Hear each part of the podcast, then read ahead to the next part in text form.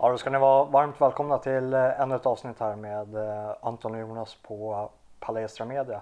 Och eh, vi har lite, vi befinner oss i en lite av en förändringsprocess. Vi har flyttat över verksamheten till ett företag nu, vilket innebär att om ni vill stödja oss ekonomiskt, vilket jag tycker ni borde göra om ni uppskattar det här programmet, för det ger oss möjligheten att utveckla hela kanalen i sin helhet och Eh, i samband med det här så har vi också då skaffat ett eh, bankgironummer och vår ambition är att eh, utveckla Palestra Media med, eh, fortsätta med de här dokumentärserierna vi gör. Vi håller på att eh, arbeta med varför Sverige är en mångkultur, eh, kultur, vilka konsekvensanalyser var det som gjorde och vad var det som föranledde till att vi hamnade i den här samhällsproblematiken som vi befinner oss i idag. Och vi har faktiskt redan börjat spela in, vi hade vår första inspelningsdag här om veckan och då var vi eh, faktiskt på, på Judiska museet och pratade med Silberstein och eh, hörde med honom hur han såg på konspirationsteorier och så här.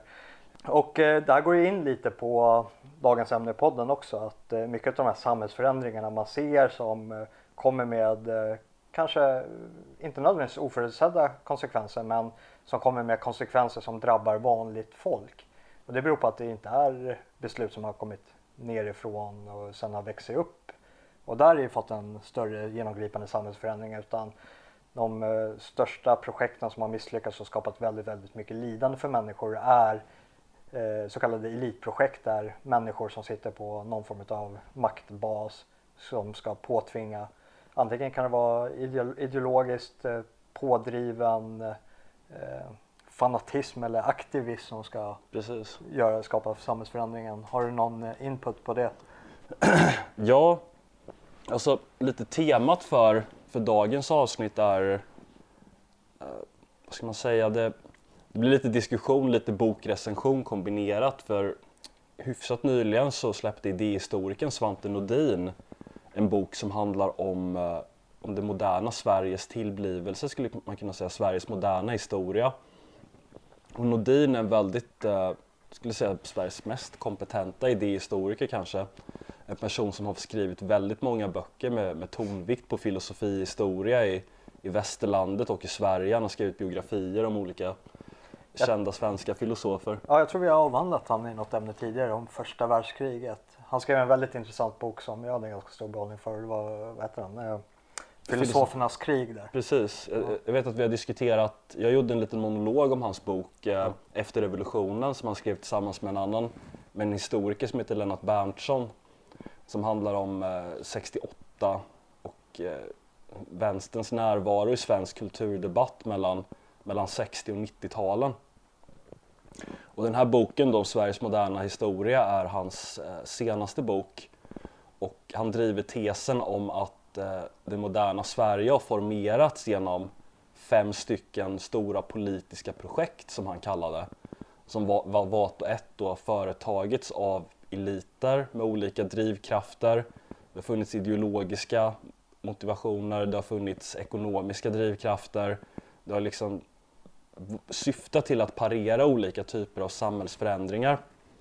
Och jag tyckte att den här boken var väldigt intressant därför att någonting som diskuteras ganska mycket nu när det har blivit mer, eh, lite mer allmängods att någonting är allvarligt fel i Sverige eller inte bara någonting utan att det finns ett flertal eh, olika fel som är inbyggda i systemet. Det är inte bara en sak som, som havererar utan det är många saker som havererar samtidigt.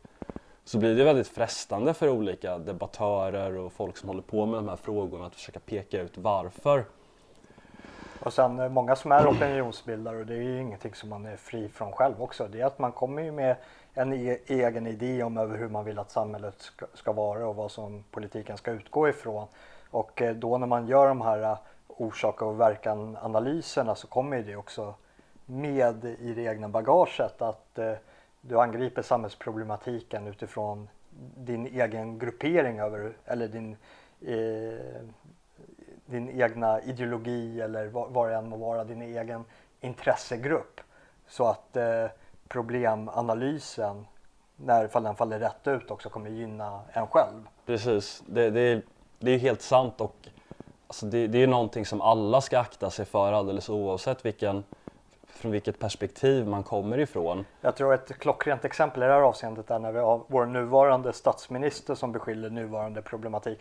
För jag tycker det här är ett bra exempel att lyfta upp för det, det är så absurt och det, det är nog väldigt, väldigt få människor som verkligen tar han på orden. Det måste vara människor som är extremt ideologiskt blinda på vänsterhållet när de tror Stefan Löfven att han säger att de samhällsproblemen vi upplever med utanförskapsområdena och de här förnedringsrånen har med eh, eh, avregleringen att göra som skedde under alliansregeringstiden. Ja just det, skattesänkningar. Alltså, ja. Det är ju fullständigt hårresande. Och det, det, är att frånta sig sin egen ideologi i det här fallet, dess ansvar Precis. över vad det som har föranlett eh, den problemen vi ser.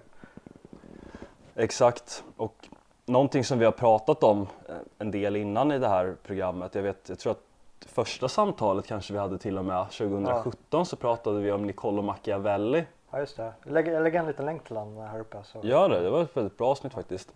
Och eh, vi pratade även om hans efterföljare James Burnham mm. som jag är väldigt inspirerad av som skrev en bok som hette The Machiavellians Defenders of Freedom eller Defending Freedoms där han pratade om en tanketradition som har kommit i Machiavellis efterföljd där man försöker, ja, försöker studera hur eliter eh, grupperar sig i samhället. Att man, man lägger väldigt mycket tonvikt till att mycket av det, eller kanske till och med det mesta av det som sker i samhället det är olika typer av projekt som eliter företar sig. Och vi följde upp lite på det temat med ett annat avsnitt som vi kallade Fisken ruttnar alltid från huvudet. Mm. Vilket liksom är en liten metafor för att säga att om någonting är fel i samhället så har det liksom börjat i de övre skikten och sen har det gått neråt. Att, att det, det, är inte vanligt folks fel att, det, att samhället går utför utan det, det är någonting som börjar i i de styrande skikten och sen droppade neråt genom de olika lagren. Jag, lägger en länk till den också och eh, ni som är nya på kanalen så har vi en egen spellista på palesermedia.com för eh, den här serien då utav Anton och Jonas. Precis och jag, jag tyckte Svante Nordins bok eh, det, det, det, knyter inte an uttalat till det här perspektivet men outtalat så skulle man kunna säga att det är den här devisen det arbetar efter. För det här handlar om Sveriges moderna utveckling, alltså man skulle kunna säga från 1800-talet och framåt. Och han försöker summera den här utvecklingen genom att ringa in fem olika politiska projekt. Eh, vi ska inte gå igenom alla de här fem projekten för det, det blir lite, lite, vissa av dem är lite ovidkommande kanske för den diskussion som, som vi försöker anknyta till och som är aktuell just nu. Man skulle ändå kunna sammanfatta dem att det första moderna projektet handlar om den konstitutionella ämbetsmannastaten införande och brytningen med det gustavianska enväldet. Det andra projektet är tvåkammarriksdag och industrialisering. Det tredje projektet handlar om demokratins genombrott och införande.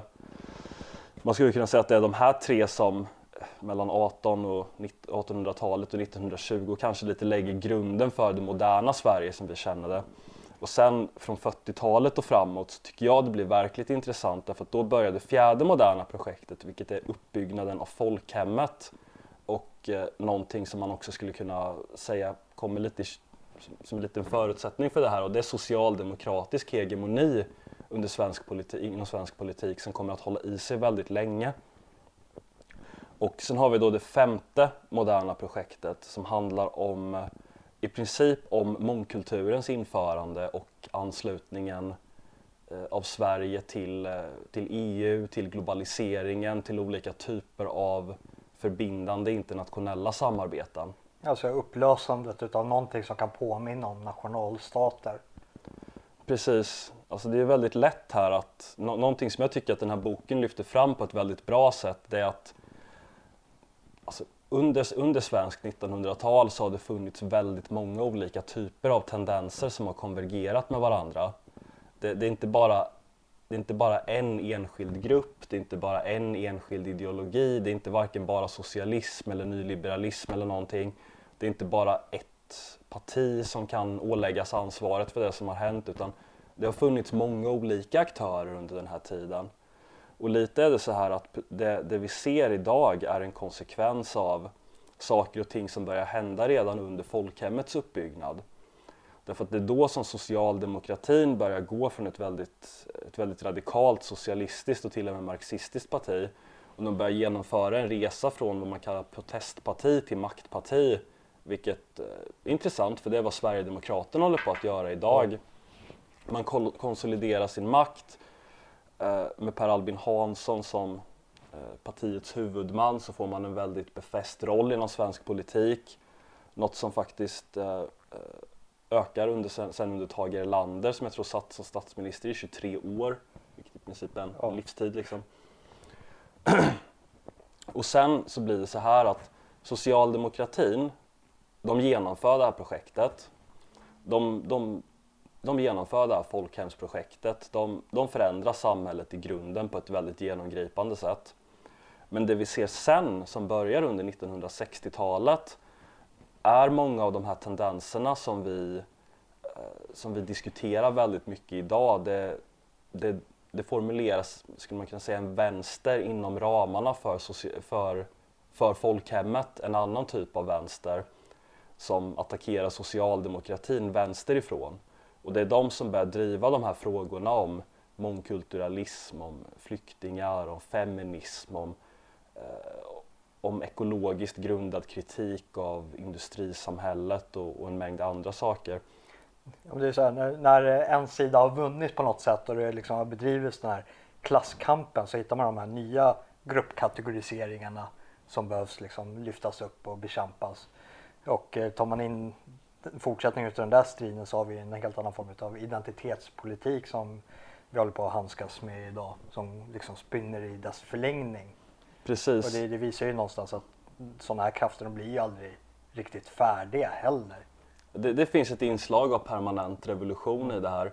Jag vet SVT har ju hyfsat nyligen avslutat en, en väldigt uppmärksammad tv-serie som heter Vår tid är nu. Mm. Som, som vissa menar och som jag absolut håller med om är lite en krönika, inte bara över personerna som serien handlar om utan även, även som, som även försöker skildra just det här. Det vill säga välfärdssamhällets uppbyggnad eh, och socialdemokratins resa.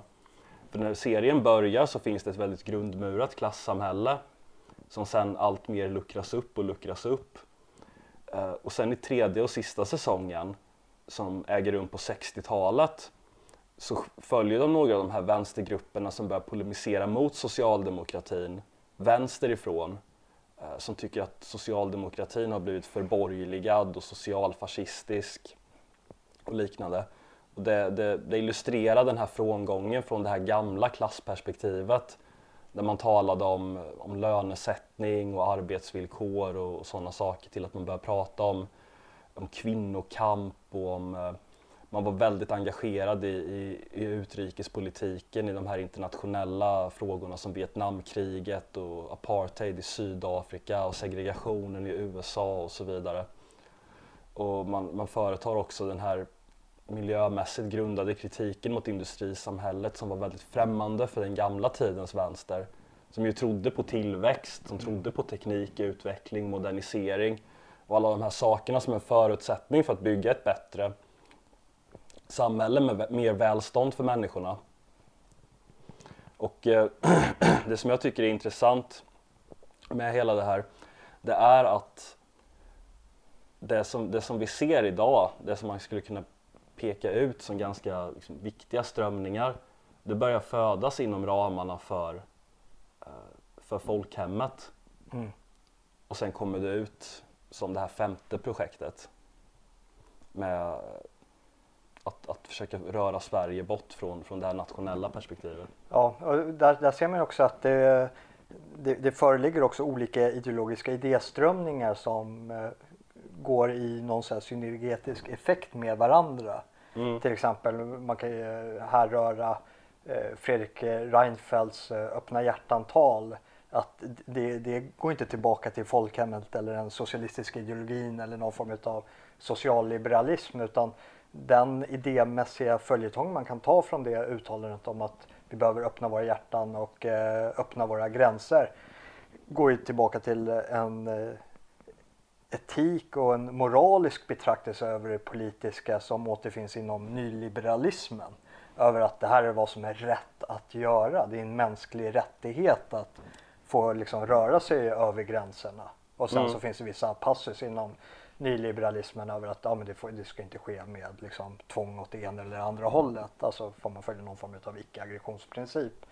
Och där, där blir det problematiska utifrån vårt perspektiv att eh, bara befinna sig i, eh, från att vara i ett majoritetssamhälle till att komma in i ett mångkulturellt samhälle som sen morfar in till att vi blir, hamnar i minoritetsställning i vad som en gång tidigare var vårt eget samhälle. Att det är problematiskt i sig själv för att eh, någonstans så uppstår regelverket utav de människorna som bebor den geografiska yta man befinner sig i. Och är vi i majoritet, ja, då är det ju vår grupp i någon bredare bemärkelse. Och det är klart att vi kommer bråka internt utifrån de här frågorna som vi pratar om här, alltså den tidigare striden som stod mellan eh, det socialdemokratiska folkhemmet och högerpartiet och som har stått mellan socialdemokrater och högerregeringar i alliansen.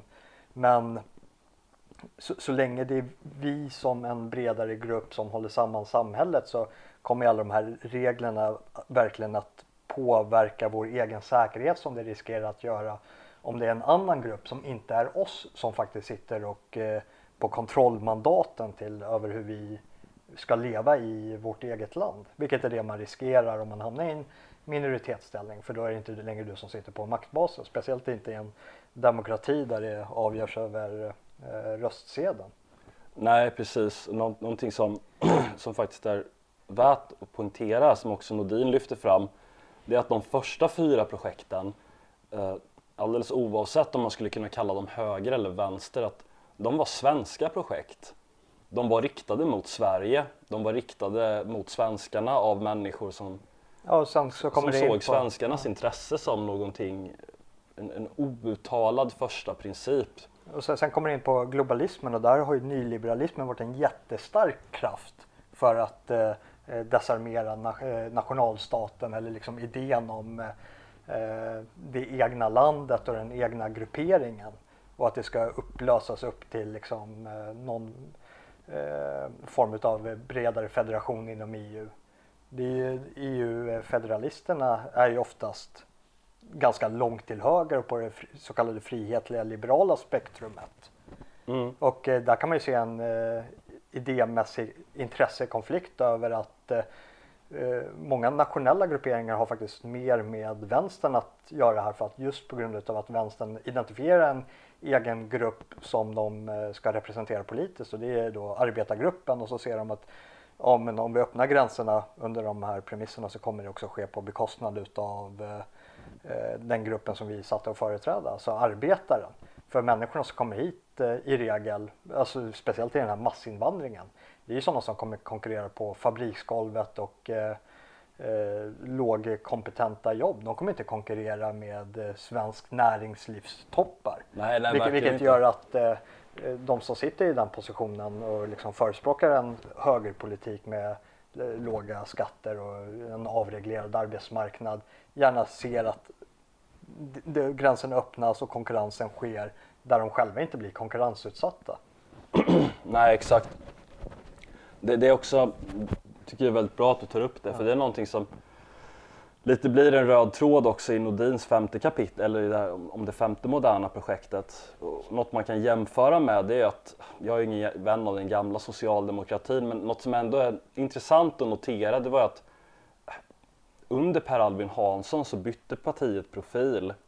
Att man började man frångick det här med att tala om klasskamp och arbetarklassen till att man började tala om nationen och det svenska. Så det fanns som en underliggande utgångspunkt att det man ville, det man, det man ville genomföra, folkhemmet, det var riktat mot det svenska folket. Det var inget internationellt projekt utan det var någonting som var riktat mot svenskarna för att det svenska folket skulle få det bättre.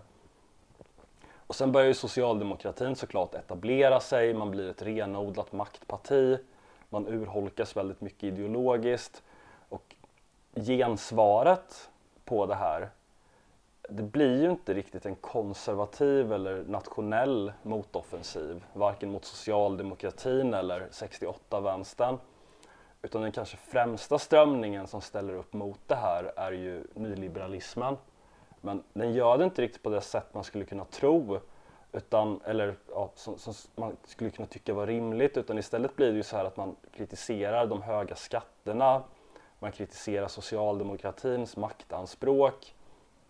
Men när det gäller den kulturella biten så blir det faktiskt så att man, man vinner sina segrar genom att bjuda över vänstern i kulturradikalism. Att man, vissa av de tendenserna som fanns inom vänstern med mångkulturalism och globalism och så vidare. Det, det är någonting man, bjud, man bjuder över på de här punkterna. Det var någonting som Reinfeldt gjorde till exempel när han tog över Moderaterna och införde nya Moderaterna. Att I det här avseendet så formulerade han ett ännu mer kulturradikalt alternativ än vad vänstern stod för. Och, och det, är, det är jättemärkligt över hur nyliberaler eh, resonerar i de här avseendena när de betraktar det som en fullständig mänsklig rättighet att få eh, överskrida olika former av gränsdragningar samtidigt som vi har den här väldigt, väldigt utbyggda välfärdsstaten. Alltså vi, vi har de här pullfaktorerna som lockar hit eh, migranter, alltså vad man kan kanske kalla för ekonomisk eh, turism, får man vill använda det, det ordvalet. Och eh, vad, vad du, du som gör som nyliberal när du faktiskt öppnar upp gränserna för vad du vet är ett bidragsland, de ska, hamnar i ett bidragsberoende och kommer i det liksom beroendet och utanförskapet fortsätta att rösta på vänstern. Mm. Alltså de kommer rösta för en fortsatt utvidgning utav välfärden som blir mer och mer urholkad.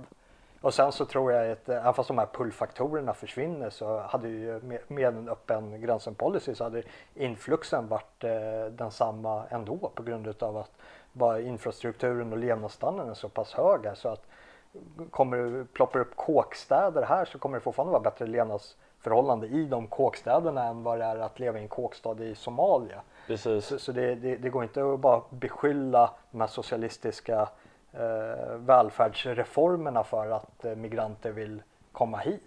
Och sen nu är vi i ett sånt skede, skede över att vi har en sån stor invandrarbefolkning att om vi bara avskaffar de här pullfaktorerna så kommer inte de här människorna att bege sig tillbaka till sina egna hemländer.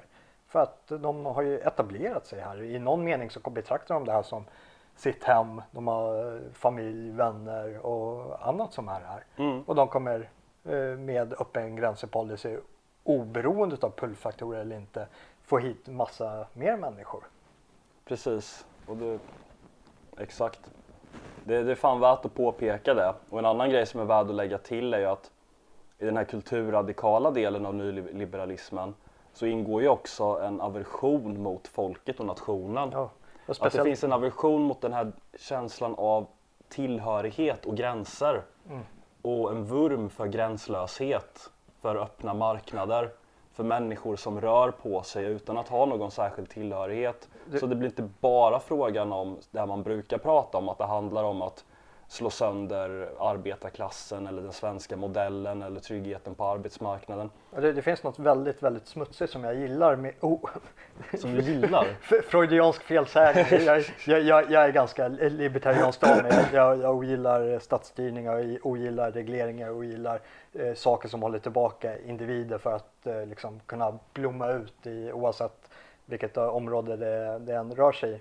Men det finns någonting som är väldigt, väldigt äckligt med en fullständigt avreglerad arbetsmarknad och i vissa avseenden så finns det i Sverige i och med att vi inte har någon lagstiftad minimilön, vilket jag i sig inte tycker att vi ska ha. Men man kan gå på ackordlön och jag kommer ihåg för något år sedan så var det ett eh, SVT-reportage om eh, en eh, norrländsk skogsbrukare som flög in afrikaner för att de skulle plantera nya träd och så fick de en ackordlön för varje nytt planterat träd och det motsvarar, jag vet inte vad det var, typ så 20 spänn timmen. Mm. Och så ska de slita en hel sommar här för liksom piss och ingenting. Och, det, det, och de tycker fortfarande att det är värt liksom att komma hit. Alltså en fullständigt avreglerad arbetsmarknad skulle verkligen göda eh, sådana här eh, unkna människor som skulle ta det tillfället i akt att eh, inleda sådana här projekt. Mm. Ja, jag, tycker, jag tycker det är högst osmakligt och sen så har man ju eh, varit i diskussioner med eh, andra så goda medborgare som har skrytit om hur de har haft eh, eh balter och östeuropeer som har eh, renoverat deras hushåll för för 20-30 kronor i timmen också, alltså hantverkare. Det jag, tycker, jag tycker det är högst, högst osmakligt. Mm. Ja men verkligen, jag håller med helt och hållet. Det finns en enorm, där, en enorm naivitet där bland vissa ja. grupper. Skulle man väl utan tvekan kunna säga. Och sen det är bara att kolla på pullfaktorerna vi har inom EU, de här så kallade EU-migranterna som sitter, har eh, slagit läger i våra skogar och sitter utanför våra eh, köpcenter och eh, tigger pengar. De är inte här för någon annan pullfaktor än att vi är givmilda, mer givmilda än vad de är eh, rumänska medborgarna är. Alltså ja. det är mer förtjänstbart för dem att tigga här eh, oberoende om de får bidrag eller inte än vad det är att göra vad det än de nu gör i Rumänien. Mm. Uppenbarligen har de ja. ingen egen riktig ska man säga, koppling till sitt land som håller dem kvar. Men om jag bara ska säga något avslutande om den här boken Eh, det är att eh, när jag skrev mina anteckningar här så skrev jag anteckningen under rubriken revolution från ovan. Eh, för det är precis vad jag uppfattar att de här sakerna handlar om. Det handlar inte bara om, om införandet av mångkultur eller de här frågorna som vi diskuterar i dagsläget utan det handlar om betydligt äldre projekt eh, som man inte tänker på riktigt för att de är redan genomförda och eh, betraktas som givna. Det är ingenting man reflekterar över. Men det är just hur stort, hur viktigt det faktiskt är med elitstyre och att det är viktigt att komma ihåg att, här, att det som händer i Sverige idag och som har hänt med anslutning till globalisering och EU och en mängd andra saker, det, det är ingenting som har kommit underifrån utan det är någonting som drivits igenom uppifrån. Det, det, det är den meningen man kan tala om en revolution från ovan. Och eh, nu, nu pratar jag utifrån lite egen preferens och eh, ett sätt att eh, kunna motverka sådana här elitprojekt är ju att ett samhälle decentraliseras till så stor grad som det är möjligt att det decentraliseras. Man kan tänka sig kanske ett utökat kommunalt eh, eh, självstyre där makthavarna faktiskt befinner sig i den egna sociala kontexten som drabbas av de politiska policyerna som de sätter i verket just som det är just nu så har vi ett politisk eh, adel och eh, elit som kan ta de här besluten med eh, öppna gränser och sen isolera sig från konsekvenserna från det genom att eh, bosätta sig i, eh, på sina egna herrgårdar och i sina egna skyddade områden. Mm. Ja, det är, också, det är också viktigt just den här, det, det, är så otroligt lätt att undkomma sitt ansvar, att man kan sitta i i regeringsställning och sen precis efter valdagen så är hela regeringen som har styrt i åtta år spridd för vinden va? Mm. och ingen har en aning om var de är någonstans. Men någonting som jag också skulle vilja lyfta fram som det kanske absolut viktigaste eh, som en garant för, för all frihet värd namnet egentligen, det, det är vad man kan kalla rätten till opposition. Att man kan prata om olika saker som checks and balances, olika typer av konstitutionella spärrar och sådana där saker. Men från mitt perspektiv betyder det där, det är bra grejer men det betyder inte jättemycket för det finns så många sätt att kringgå det där. Men det som är viktigt är att när det finns den här typen av destruktiva krafter, när det finns eliter som har börjat, som i princip har vänt sig mot sitt eget folk och som, som missköter sitt ansvar och sina ämbeten på ett alldeles otroligt sätt, så måste det finnas utrymme för elitrotation, som man kallar det. Att vi, det kommer, för det kommer alltid finnas eliter, det kommer alltid finnas maktstrukturer. Om man har ett samhälle så kommer det alltid finnas ledare och det kommer alltid finnas människor som blir ledda. Det är liksom ofrånkomligt, så har det varit under civilisationens historia. Men det måste finnas möjlighet att byta ut dåliga eliter, byta ut dåliga partier som har tjänat ut sitt syfte och som i princip inte gör något bra längre. Och det, det, är där, det är därför, nu, nu har jag pratat om att, eller vi har pratat om att, att fisken ruttnar från huvudet och utåt. Men där skulle man ju kunna säga att folket, väljarna, faktiskt har ett ansvar eh, att inte bara gå och, och, rösta på Socialdemokraterna för att det var vad pappa eller farfar röstade på. Utan att man faktiskt uppdaterar sin målbild och uppdaterar sig i de här frågorna. Ja, man måste verkligen fråga sig vad är det för samhälle som inte bara du själv vill växa upp i utan som du vill lämna efter till, till dina barn. Alltså hur väljer du när, när, när det är dags att skaffa familj eller om ni redan har familj, var ni väljer att bosätta er och vad är det för miljö ni vill befinna er. Och sen omvandla den tanken till det politiska beslutet också, vilket idag sker via att ni faktiskt går och röstar var fjärde år, vilket är en extremt liten insats som eh, mer påminner om en... Eh, det är ju ingen insats Nej, det är ingen insats alls. Är, det är en skock med får som blir ledda av en eh, herde och just nu så har vi en väldigt illasinnad herde som inte erkänner den egna, egna skocken utan det är beblandat med, eh, med andra som inte ska vara där, vargar. Ja, alltså det, det är väl vad jag skulle vilja se, min utopi i svensk politik, det, det, jag, jag ser det som väldigt, väldigt anspråkslösa krav. Mm. Men, men det är faktiskt bara, bara, bara en politisk klass som går tillbaka till det här gamla. Att man, man riktar projekten mot, eh, mot det svenska helt enkelt. Man har bara svenskarna som utgångspunkt helt enkelt. Det har man inte idag. Alltså det, det här är en sån grundläggande självklarhet att som politiker så företräder du en grupp och är du en svensk politiker så är det den svenska gruppen du ska företräda och tar ett politiskt beslut så måste du göra en konsekvensanalys över hur påverkar det här svenska folket? Ligger det här i svenska folkets intresse? Och om det inte gör det, ja då kommer också svenskarna att lida utav det. Mm. Och det är de, de här frågorna har inte ställts utav våra makthavare och bara av eh, svenska folket eh, lider. Mm. Och så något, något som också är viktigt att påpeka att sån här förändring kommer inte inifrån. Man kan inte förvänta sig att oh, ursäkta, att människorna som har infört de här politiska projekten ja. är de som ska avskaffa dem och, och genomdriva nya bättre. Utan det är där det här med elitrotation kommer in. Jag, jag vill citera en person som heter Dan Lambert som, som äger den amerikanska eh, MMA-klubben American Top Team. Som är känd för att ha sagt att Eh, det absolut svåraste uppdraget inom professionell sport är att utveckla en MMA-fighter från grunden till en UFC-champion. Jag skulle säga att det absolut svåraste uppdraget inom politik är faktiskt att utveckla en, en opposition från ingenting till någonting som kan bli framgångsrikt och göra anspråk på makten. Och det är kanske en av anledningarna till varför saker och ting har rört sig så otroligt långsamt i Sverige på den här punkten. Det har inte funnits riktigt möjlighet för elitrotation. Det har tagit så otroligt lång tid att utveckla den nationella oppositionen. Ja, där har ju eh, den här eliten varit otroligt duktig på att stigmatisera allting som har eh, sagt emot dem. Att kunna avfärda allting. Att, eh, ja, men, vad som nu nästan har börjat bli larvigt för att de har gått så långt med att ja, det här påminner om 30-talet och, mm, och, så vidare. Det, det, det saknar innebörd numera för att de har, de har liksom spelat ut det kortet på alla som har eh, haft någon liksom, minsta kritik mot vad de har haft för sig. Mm. Ja, couldn't agree more. Yes. Alright. Något avslutande segment? Jag tror jag sagt det jag vill säga faktiskt. För All denna gång. Syns i nästa avsnitt. Tack så mycket.